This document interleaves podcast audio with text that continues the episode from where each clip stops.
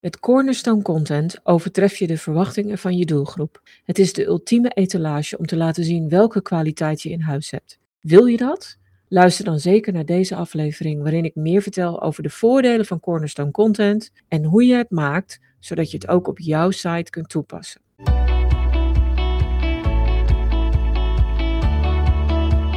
Misschien had je er nog nooit van gehoord, of misschien kende je de term cornerstone content wel, maar wist je nog niet zo goed wat het precies is of hoe je het toepast. Wat is het dan? Cornerstone content voor mij is showcase content op je site die extreem goed overbrengt welke kennis en welke expertise jouw organisatie in huis heeft. Het zijn echt de hoekstenen van je site. En daarom zie je ook wel uh, soms de, de term contentpilaren langskomen. Om de een of andere reden ben ik gehecht aan de term cornerstone content en gebruik ik die heel veel. Maar je kunt ook contentpilaren gebruiken natuurlijk, wat jij wil. En waarom moet je dan cornerstone content op je website hebben dan? Nou, allereerst, je moet natuurlijk helemaal niks. Maar met cornerstone content kun je wel echt verwachtingen overtreffen. En dat is toch wel iets wat heel erg fijn is, omdat je je daarmee als bedrijf en als website heel goed kunt onderscheiden van concurrenten. Maar los van het overtreffen van die verwachtingen, heeft Cornerstone Content nog een aantal andere voordelen. Zo is het vaak goed vindbaar in Google.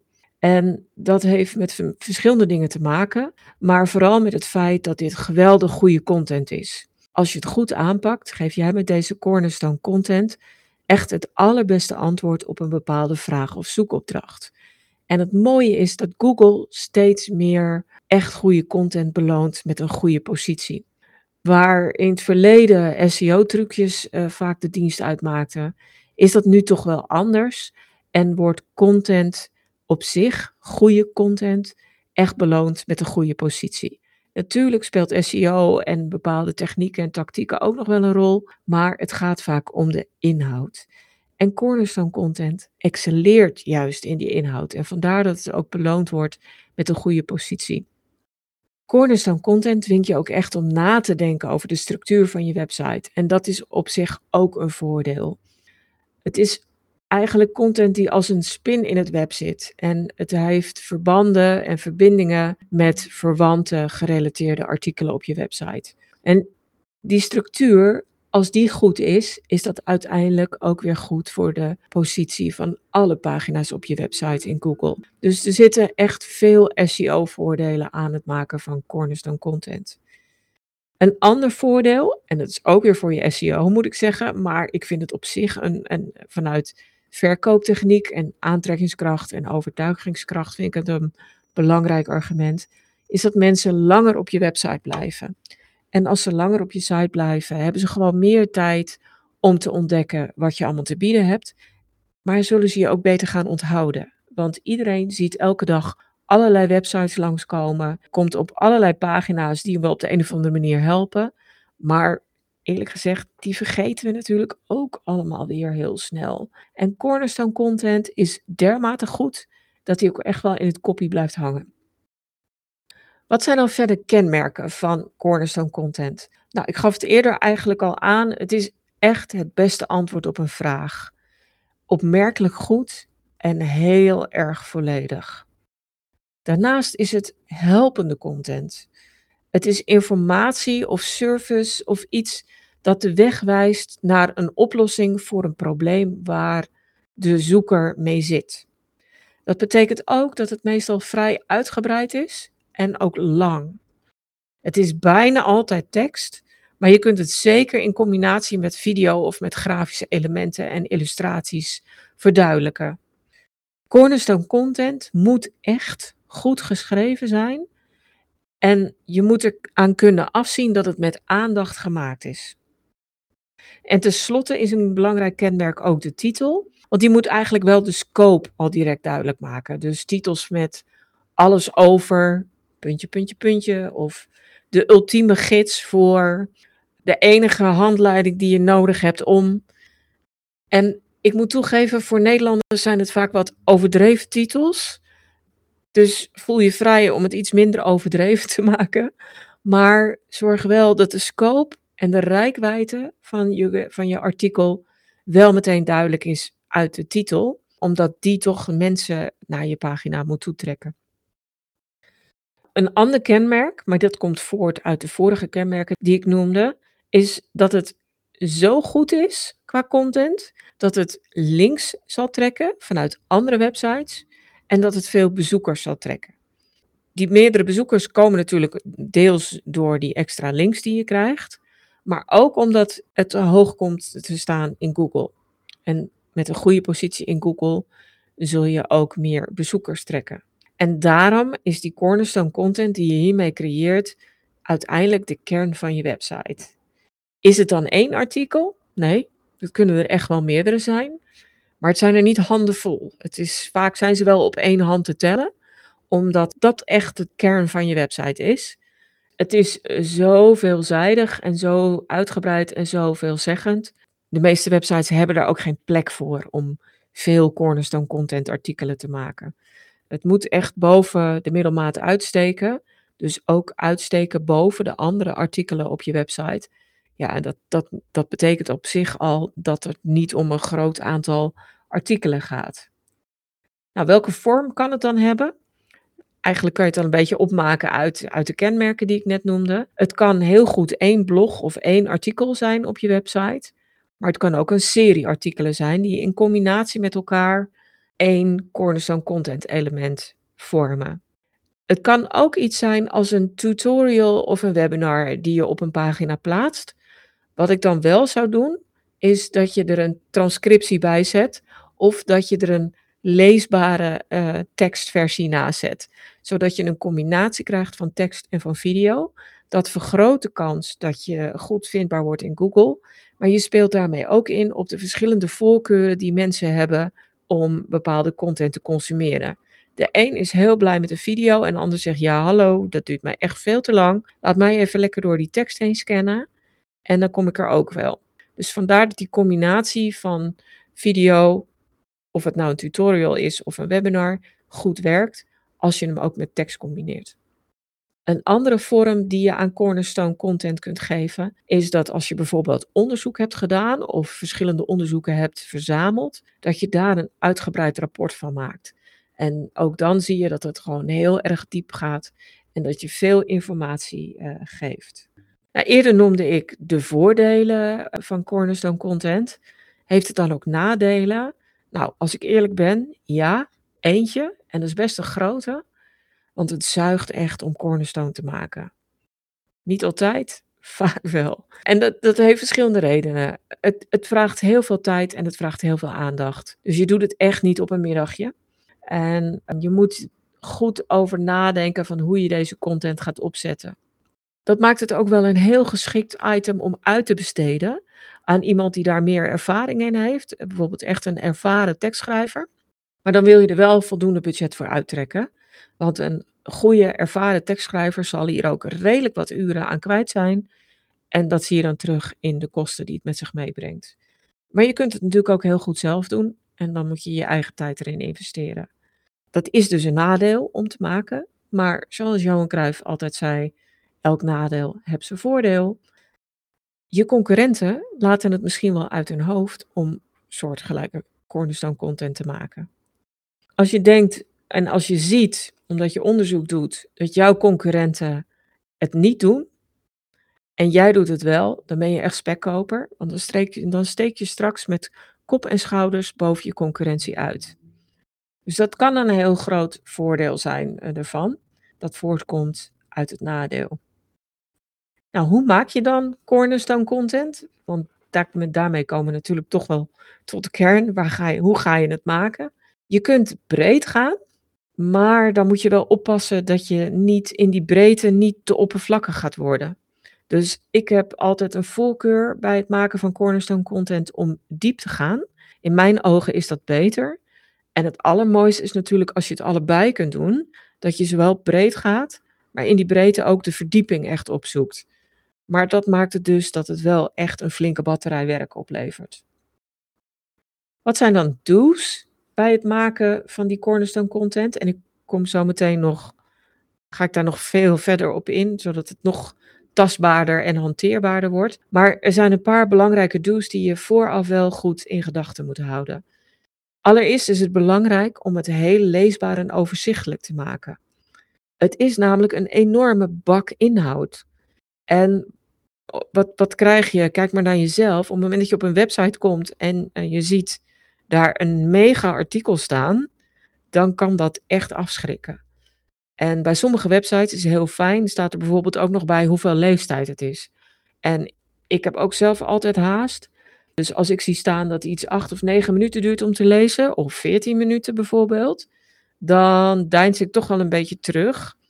En dan moet het wel echt voorzien in een behoefte die bij mij heel duidelijk op dat moment aanwezig is.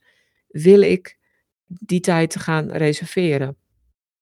Wat ik dan wel doe, en daar ben ik niet alleen in, dat doet het eigenlijk elke bezoeker. Als je bij een hele lange pagina op een website komt, of iets waarvan je denkt dat het veel tijd kost om te consumeren, dan ga je hem wel scannen.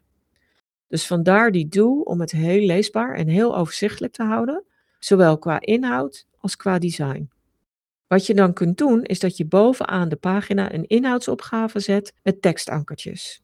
En daarmee kunnen mensen heel snel naar een deelonderwerp springen en vergemakkelijk je dat, dat scannen of de mogelijkheid om naar een specifiek onderwerp te gaan, omdat iemand bijvoorbeeld al heel veel weet en juist geïnteresseerd is in een klein stukje ervan. Een andere do die ik je echt kan aanraden is dat je eindigt met een hele goede call to action. Maak cornerstone content vooral als er een match is met je product of met de dienst die je aanbiedt, zodat je als je die showcase content hebt gemaakt, als je mensen hebt laten zien hoe geweldig jouw expertise of de kwaliteit van je werk is, zorg dan juist dat ze ook echt een reden hebben om door te klikken naar de verkooppagina's. Dus die call to action aan het eind is wel cruciaal, die mag je niet missen. En de laatste do, en die ga ik verder uitwerken om je daarmee te helpen, is dat je uh, gestructureerd te werk moet gaan. Nou, hoe doe je dat dan? Wat is dan een gestructureerde aanpak? Die begint met het selecteren van de meest dringende vragen waar mensen bij bij je komen of waarmee ze op je website komen. En die zoekopdrachten waarmee ze op je website komen, die kun je vaak achterhalen via Google Search Console. Of je kunt ze vermoeden als je ziet van hé, hey, ze komen vaak op deze en deze en deze pagina's. Dan weet je vaak wel welke zoekvraag daarachter zit. Tweede wat je kunt doen in die aanpak, is dat je gaat kijken naar de content die je al hebt en of die onderwerpen als een spin in het web kunnen fungeren. Ik gaf eerder al aan dat er vanuit Cornerstone Content linkjes te leggen moeten zijn met verwante artikelen op je website. Daarom is het heel goed om te kijken naar de content die je al hebt en met een helikopterview te kijken of daar nog iets ontbreekt. Of dat je bijvoorbeeld verschillende deelvragen die je al adresseert kan verzamelen in een groot overkoepelend artikel. Wat ook een aanbeveling is om het gestructureerd aan te pakken, is om als je een onderwerp voor Cornerstone Content in gedachten hebt, om een mindmap te maken. Wat kun je allemaal niet over dit onderwerp vertellen? Welke deelonderwerpen zijn er? En als je vervolgens dan die deelonderwerpen heel erg gaat uitwerken, dan, kun je, dan zie je vaak dat je die ook weer kunt uitsplitsen in nou, deel-deel-onderwerpen. Heb je die mindmap gemaakt? En dat mag echt wel een A4 zijn wat helemaal vol staat met onderwerpen en suggesties. Dan is het wel tijd om te gaan saneren en om vooral te gaan afbakenen. Je wil uiteindelijk geen boek schrijven. Het is wel lange, uitgebreide content. Maar een boek, ja, dat, dat is nog een overtreffende trap. Dat kan een onderwerp voor een andere keer zijn. Maar dat is niet je cornerstone content. Dus afbakenen is echt cruciaal. Ga gewoon even kijken ook of er dingen bij zitten dat je zegt, ja, dat heeft er wel heel zijdelings mee te maken. En misschien kun je daar dan later een ander artikel van maken, wat weer naar deze cornerstone content gaat, gaat verwijzen. Maar met die mindmap zie je al wel van, oh nee, dit wordt echt te veel. Of hier dwaal ik een beetje af. En, en kun je dat, die mindmap helpt je echt om te saneren. Jij hebt nu een mindmap met een heel goed onderwerp wat je heel goed kan uitwerken. En nu is het slim om te kijken wat er al is. Misschien is het al gedaan. En misschien is het al zo goed gedaan dat jij dit beter nu niet kan doen. Maar wat je vaak ziet, is dat anderen wel een stukje aanpakken of adresseren, maar er lang niet zo volledig in zijn dan jij nu doet, want jij bent er nu echt voor gaan zitten. Dus zie je dat jouw overzicht beter, verdiepender, uitgebreider is dan wat er al is, dan wat je concurrenten al gemaakt hebben, ja, dan heb je nu echt een startsignaal om los te gaan met het echt maken van deze cornerstone content. Je mindmap is de basis voor de structuur op die pagina. Pak die mindmap erbij en bepaal de volgorde waarin je de dingen gaat benoemen. Heb je die volgorde staan? Ga dan kijken welke elementen je tekst kunnen aanvullen. Want met tekst alleen ben je er meestal niet. Dus ga kijken of je illustraties hebt, afbeeldingen hebt, of je een video kunt maken of een infographic, waarmee je die tekst kunt aanvullen en waarmee je de impact van die tekst kunt vergroten, maar ook je tekst kunt verduidelijken. Dat is allemaal heel erg belangrijk. Dus probeer in je format breder te gaan dan tekst alleen. En dat helpt ook weer om uh, de bezoeker van je pagina te helpen om de pagina te scannen. Juist als ze gaan scannen, zullen ze kijken naar kopjes, maar ook naar andere content formats, zoals illustraties, afbeeldingen en video's. En bijvoorbeeld ook naar de ondertiteling bij een video of naar de toelichting onder een afbeelding of een illustratie. Dat zijn allemaal hele gemakkelijk scanbare elementen op een webpagina die de impact en het gebruiksgemak van die pagina vergroten. Wat ik ook vaak zie, is dat de basis voor cornerstone content al aanwezig is op een website. En dat is ook de reden dat ik altijd zeg van kijk eerst naar de artikelen op je website. Welke worden nu al veel en lang bezocht? Welke behandelen nu al veelgestelde en belangrijke vragen van je doelgroep? Maar vooral, welke artikelen op je website krijgen nu al veel interne links vanuit andere artikelen? En als je bijvoorbeeld de Yoast plugin op je website hebt staan, dan kun je dat heel gemakkelijk achterhalen. En anders moet je naar je sitemap kijken om te zien van hé, hey, zijn er al artikelen waar heel veel interne links naartoe verwijzen? Dat is een indicatie dat dat een basis kan zijn voor cornerstone content. Zie je dat terug in je site? Ga dan weer even terug naar wat ik net aangaf. En ga kijken met je, met of je een mindmap kan maken om die bestaande content nog verder te verbeteren en uit te bouwen tot cornerstone content. Maar of je nu helemaal vanaf nul begint, of vanuit een bepaalde basis die er al is op je website.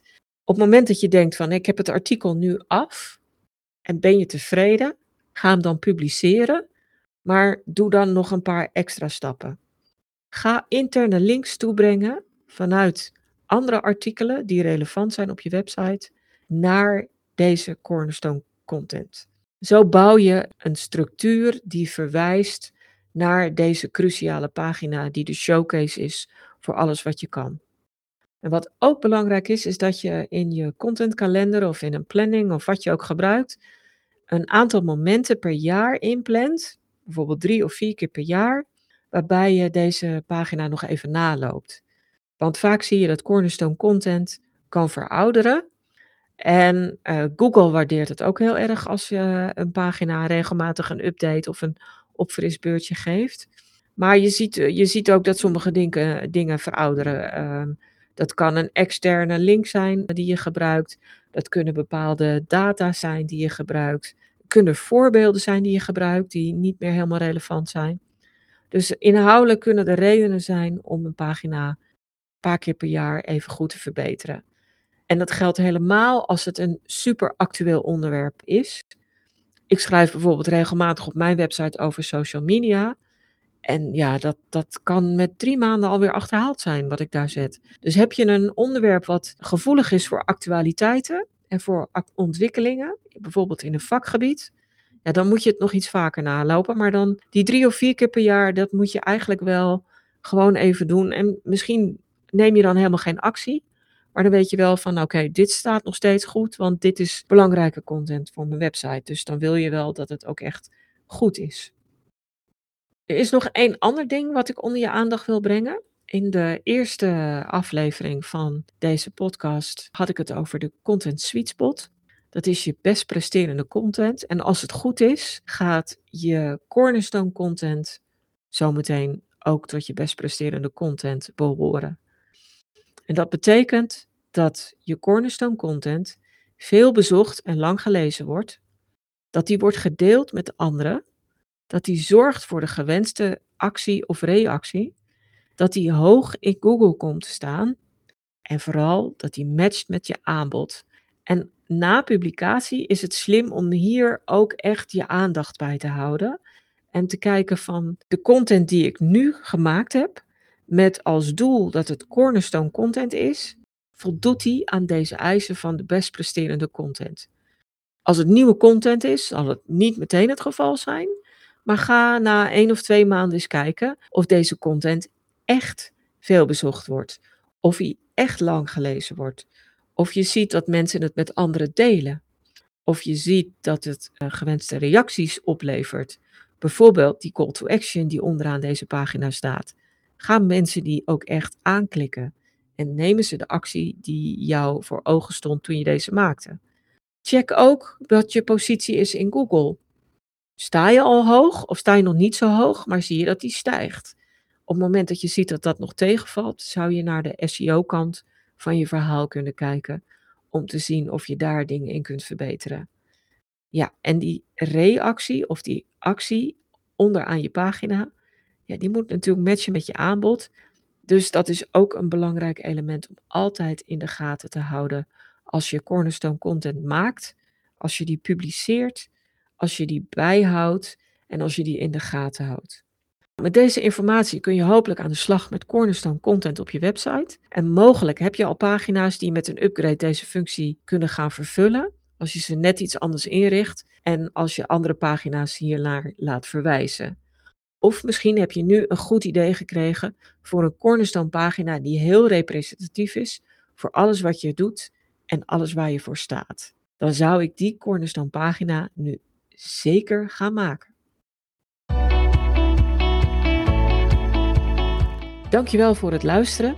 Voel je zeker vrij om deze aflevering van de Content Divas podcast met anderen te delen als je denkt dat dit van pas kan komen. En heb je zelf een handige tip of inzicht opgedaan met deze aflevering, dan hoop ik dat je een review wil achterlaten. Heb je nog meer vragen, zoek je meer informatie? Neem dan zeker een kijkje op de website. Die vind je op stroop.nl met dubbel S. En daar vind je natuurlijk ook die handige content kennisbank waar je allerlei gratis checklists, stappenplannen, handleidingen en nog veel meer kunt vinden.